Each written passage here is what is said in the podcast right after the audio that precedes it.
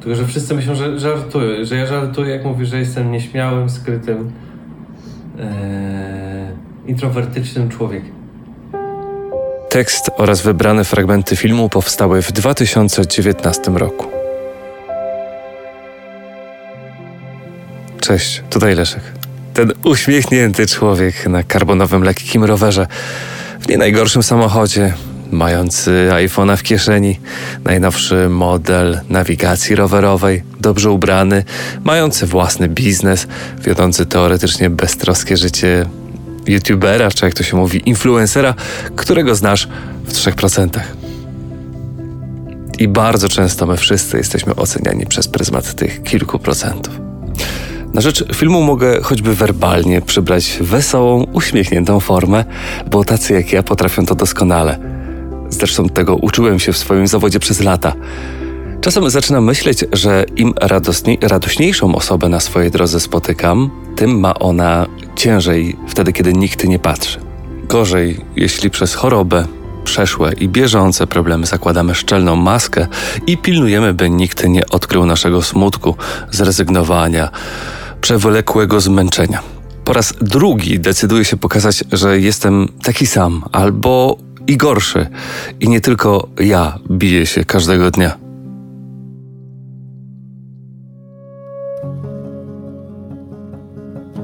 Codzienność. Poranek to walka. Mam taką dolegliwość, która sprawia, że nie chce mi się wstać z łóżka. Z dwóch powodów.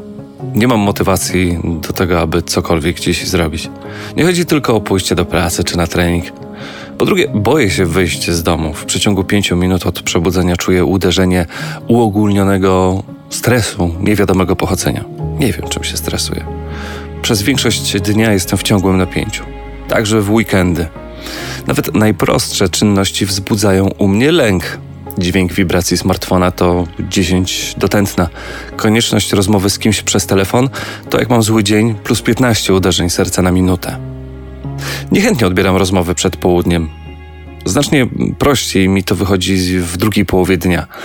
Z tego też powodu wiele spotkań umawiam maksymalnie blisko południa, dlatego nie trenuję rano przed pracą, bo poziom kortyzolu odbiera mi przyjemności z jazdy rowerem czy biegania, o pływaniu nawet nie wspominając.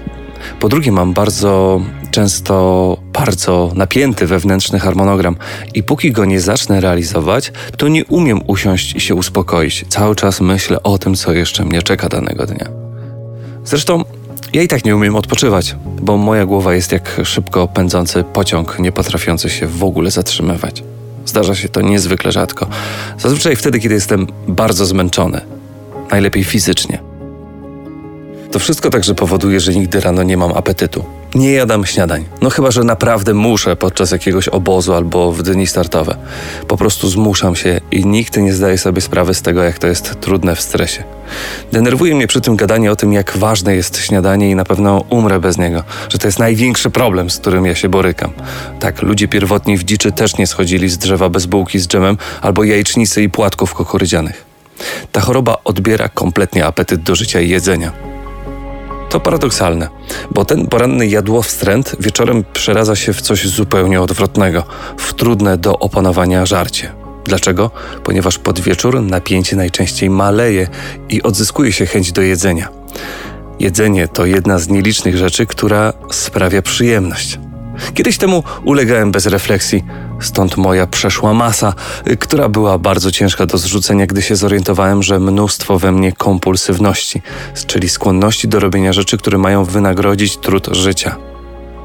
Dla mnie pocieszeniem była i nadal jest lodówka. W przeszłości codzienne piwo, ale dla kogo innego mogą być to małpki, żetony w kasynie, przymus robienia zakupów albo pracy ponad siły tylko po to, aby coś w sobie zagłuszyć. Każdy dzień to strach. Nie tylko przed natłokiem zadań, myśli, bodźców, ale również przed losowo budzącymi się atakami lęku. To może kogoś dopaść w autobusie, w sklepowej kolejce, kościele albo w wodzie. Mózg zaczyna wysyłać do ciała sygnały nieadekwatne do sytuacji, przez co w losowym miejscu zaczniesz się pocić jak podczas biegu.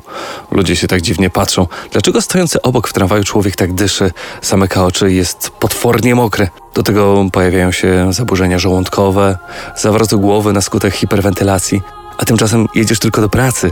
Dla innych to zwykła rutyna, dla innych pierwsza z codziennych bitew.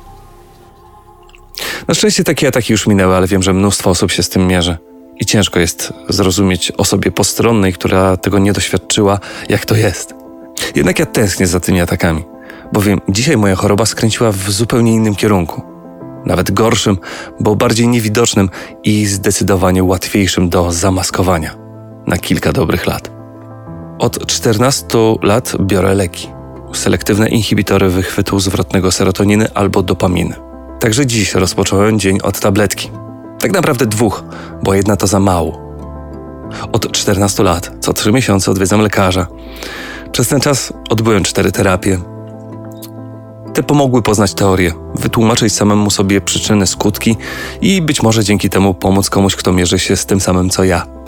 Pomaganie innym jest prostsze od pomagania samemu sobie. Tego nadal nie potrafię. Z drugiej mam naiwną nadzieję, że obcowanie wśród mi podobnych pomoże zrozumieć pewne schematy, które mnie dotyczą. A może chęć pomocy to tylko kolejna kompensacja? Może robiąc zły i dobry uczynek, mam nadzieję, że wyjdę na zero?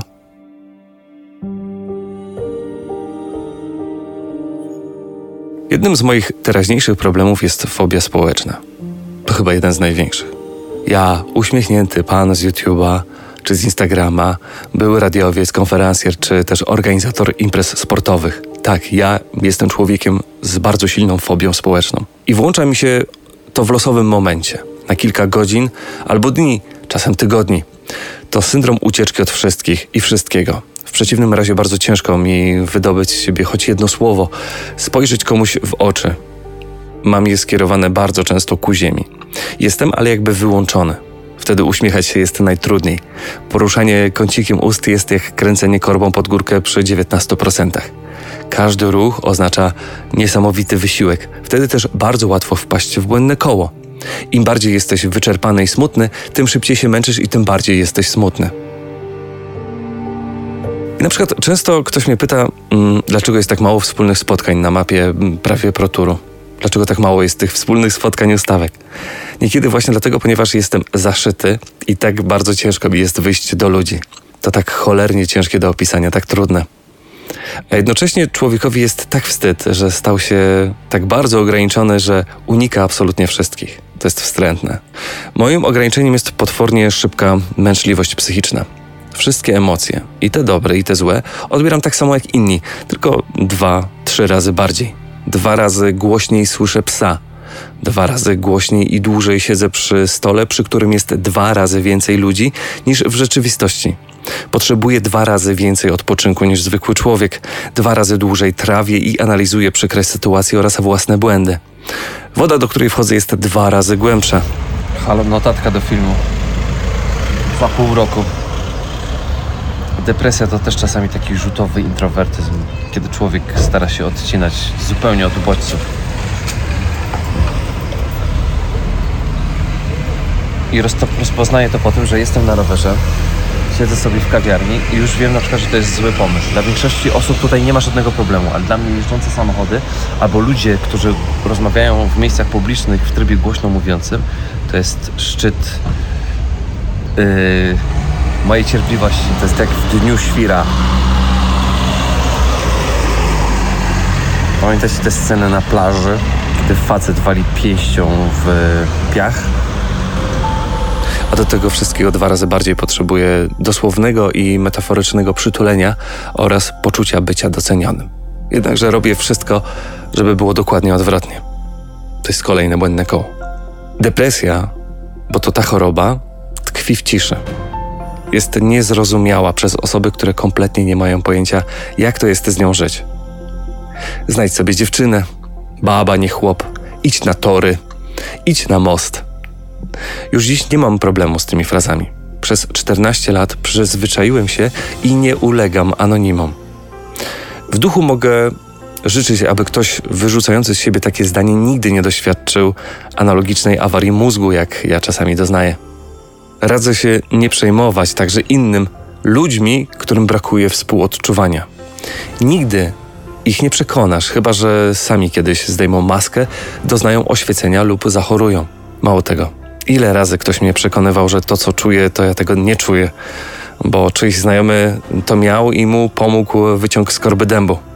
A leki, które przyjmuję, to jest chemia, która położy mnie do grobu, wcześniej wzbogacając spiskujące koncerny farmaceutyczne. Wszyscy lekarze się mylą. Wszyscy terapeuci się mylą. Ja się mylę, bo mi się tylko tak wydaje. Weź się ogarnij. I nie gadaj, że te leki, które bierzesz, nie uzależniają. Na pewno uzależniają. Jak komuś wytłumaczyć, że to mózg jest chory, a każdy neuron jest bezbronny, bez otoczki mielinowej? Tylko tego nie widać jak opryszczkę. Nie ma się z tego powodu gorączki, kaszlu i nie doznaje się ataków jak przy schizofrenii. Stąd tak trudno wielu osobom to pojąć, zilustrować. Dla mnie ilustracją jest nocny marsz po pustym mieście ze łzami w oczach i natrętnymi myślami samobójczymi, które nagle stają się bardzo kuszącą perspektywą.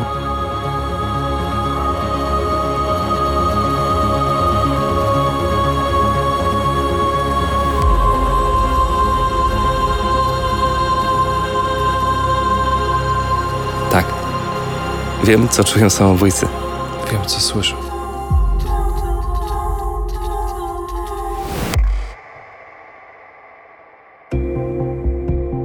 Z drugiej strony zauważam na przestrzeni tych kilkunastu lat pewne pozytywne zmiany w Polsce.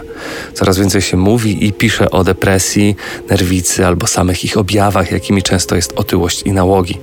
Tak, teraz dopiero wiele osób dostrzega, że ich wygląd fizyczny, paragon ze sklepu lub stan konta to wynik prób tuszowania swoich problemów. Mniej się skupiamy na widocznych objawach, a więcej na przyczynach.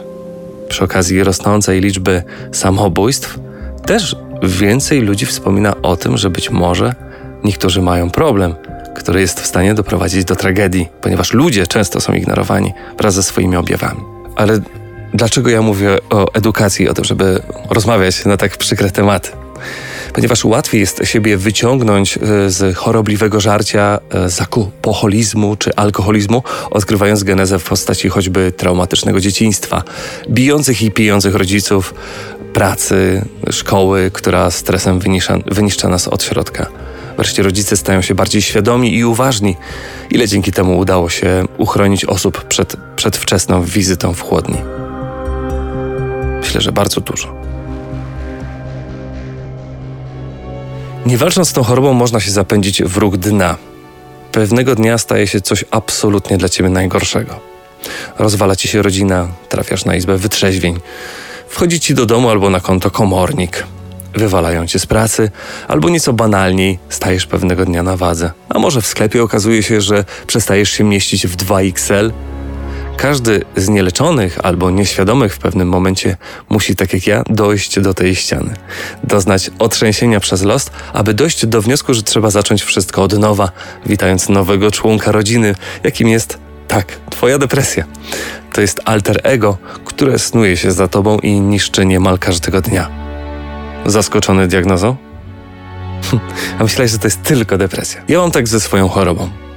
To jest ten drugi Leszek, który często dochodzi do głosu i bardziej wpatrzeni, doświadczeni, uważni dostrzegają go nawet w niewielkim geście, pewnym zdaniu, słowie.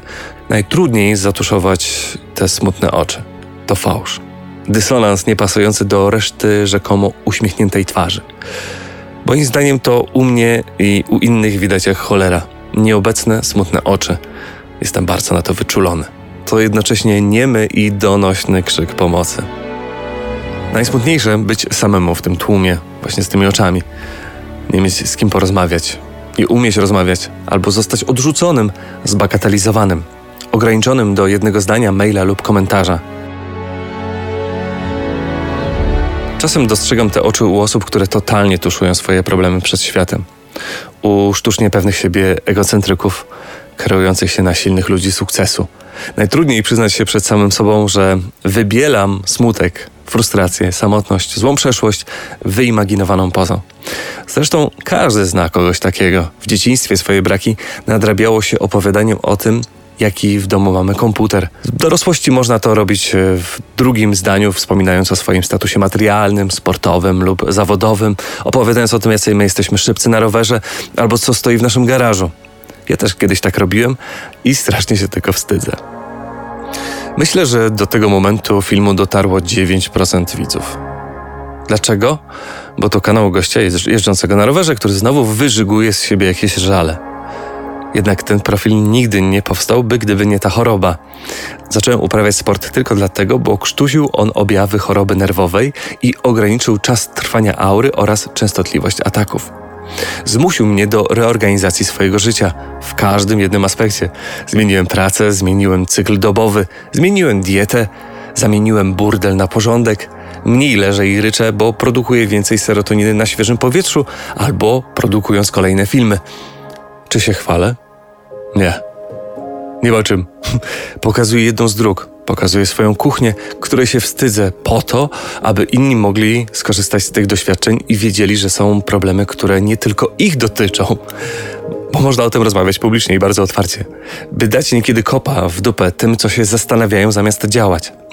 Denerwuje mnie zastanawianie, strasznie mnie denerwuje zostawianie rzeczy na później, tkwienie w zawieszeniu. Najważniejsze to próbować, a nie unikać konfrontacji ze sobą oraz prawdą. To jak z odkładaniem czegoś na później. Potem, czyli na nigdy. Ja wychodzę z założenia, że albo teraz, albo wcale. Rozwiązuję wszystkie problemy tu i teraz, przynajmniej te, które się da. Tego uczy mnie ta choroba. Warto zabrać się za siebie, ponieść dziewięć porażek, aby za dziesiątym się udało. Ja mam takich mnóstwo, a osoby postrzegają mnie przez pryzmat jednej rzeczy, która, która mi się udała, tak naprawdę nie wiedząc, ile w tym wszystkim musiało być mm, momentów zwątpienia. I ważne jest, aby to robić wbrew wszystkim głupkom, których spotykasz na drodze, mówiącym ci, że to nie ma sensu, to się nie uda, albo przesadzasz.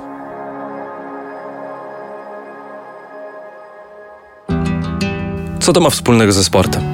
Prawie Pro powstało właśnie dlatego, aby dać upust temu wszystkiemu, co opisałem powyżej. A o czym niekiedy sam zapominam? O swojej słabej genezie. To zupełnie zmienia perspektywę. Bo inaczej jest uprawiać sport, pokazywać sprzęt czy startować w zawodach tylko po to, aby pokazać się, zaistnieć albo wyłącznie monetyzować swoją twarz i nogi, pokazując odżywki. A inaczej, e, gdy tylko to ci pomaga w ogóle wstać z łóżka. Sport rozprasza problemy i pomaga zmienić je na inne, mniej autodestruktywne. Zapomnieć, czasem nie myśleć, rejestrując tylko ból nóg lub strach przed wejściem do wody. Lepsze to niż zażeranie utajonego smutku albo całkowite poddanie się społecznej izolacji. Lepsze to niż walka z atakami nerwicowymi nagradzanymi potem kolejnym kredytem albo kratą browarów. Jestem oceniany na podstawie 3% mojego życia, które pokazuję albo jako człowiek sukcesu, albo jako lalusiowaty gej, co płacze na zawodach, bo się boi wejść do wody. Na szczęście choroba i problemy codzienności wyleczyły mnie ze zwracania uwagi na to, co myślą i jak postrzegają mnie inni. Bo w życiu można mieć o wiele więcej problemów. Można mieć zupełnie inną skalę, listę wartości w swoim życiu.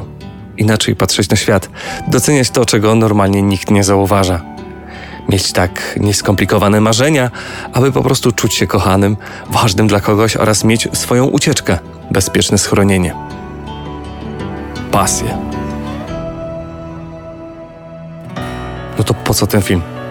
Może po to, żeby, nie wiem, zbudować sobie oglądalności, popularności, a może żeby użalać się nad sobą i wzbudzać współczucie, litość. Nie. Ja mam za swoje. Płacę w większości za swoje własne błędy. W większości sam odpowiadam za swoją chorobę. To nie tylko kwestia dzieciństwa, skłonności, ale przede wszystkim braku odpowiedzialności i bałaganu, burdelu w swoim życiu. To moja karma. Pokornie ją przyjmuję i każdego dnia spłacam. Ja zawsze jakoś sobie poradzę, licząc, że wszystko, zwłaszcza to co złe, dzieje się w naszym życiu po coś. Tak jak miałem okazję napisać w swojej książce i nieraz powiedzieć na tym kanale, obiecałem sobie, że jeśli uda mi się wyjść z tego dna, znaleźć jakieś rozwiązanie, które choć trochę pomaga, to będę o nim krzyczeć. I to jest właśnie mój krzyk. Czasem przemycany między wierszami, pomiędzy ujęciami, niekiedy bardzo bezpośredni, choć nie przynoszący mi popularności i uznania. Jednak czy popularność, pozorność jest w stanie dać prawdziwe szczęście i pomoc? Nie, bo znów najistotniejsze będzie to, czego nie widać.